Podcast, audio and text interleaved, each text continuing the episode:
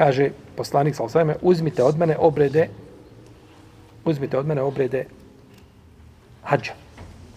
A poslanik je sa osvajme šta? Obavio između, tavaf između, ili hodanje na safe i merve. Uzmite od mene obrede hađa, obavio je. Možda se s toga zaključi da je vađib? Problem je, problem je zaključiti ovaj, da li je nešto, da li je nešto vađib iz postupka.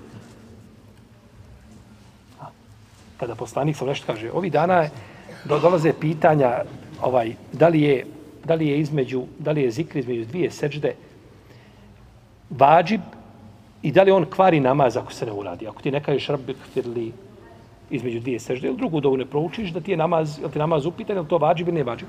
To je poslanik sam činio. Nema hadisa u kome naređuje. Nema hadis je to poslanik naredio da se tad kaže, nego on činio sam postupak ne ukazuje da je nešto vađib, osim ako postupak dođe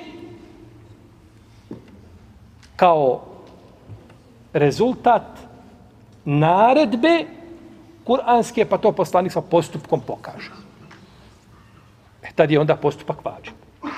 Došla naredba u Kur'anu koja nije dovoljno jasna.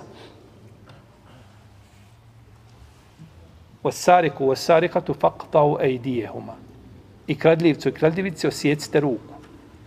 Ruka je od ramena i od lakta i od ovdje šaka da ide. Sve je to ruka. I nećete ništa naći u Kur'anu, niti poslani da kaže u Disu, uradite tako. Nego je došao postupak koji ukazuje da to biva od šta? Od ovog zloba ovdje. Pa je postupak u tom slučaju vađiv. U protivnom postupak nije vađiv postupak je za svoj. Zato apsolutna većina učenjaka kažu da je to ovo ovaj između dvije sežde, da je to sunnet. To je ispravno mišljenje. To, bitno je čovjek da se smiri između dvije sežde, da nije samo spojio dvije sežde bez smirivanja. A zikr, ako kaže, lijepo i dobro, ako ostavi, neće ucrti ispravnost namaza.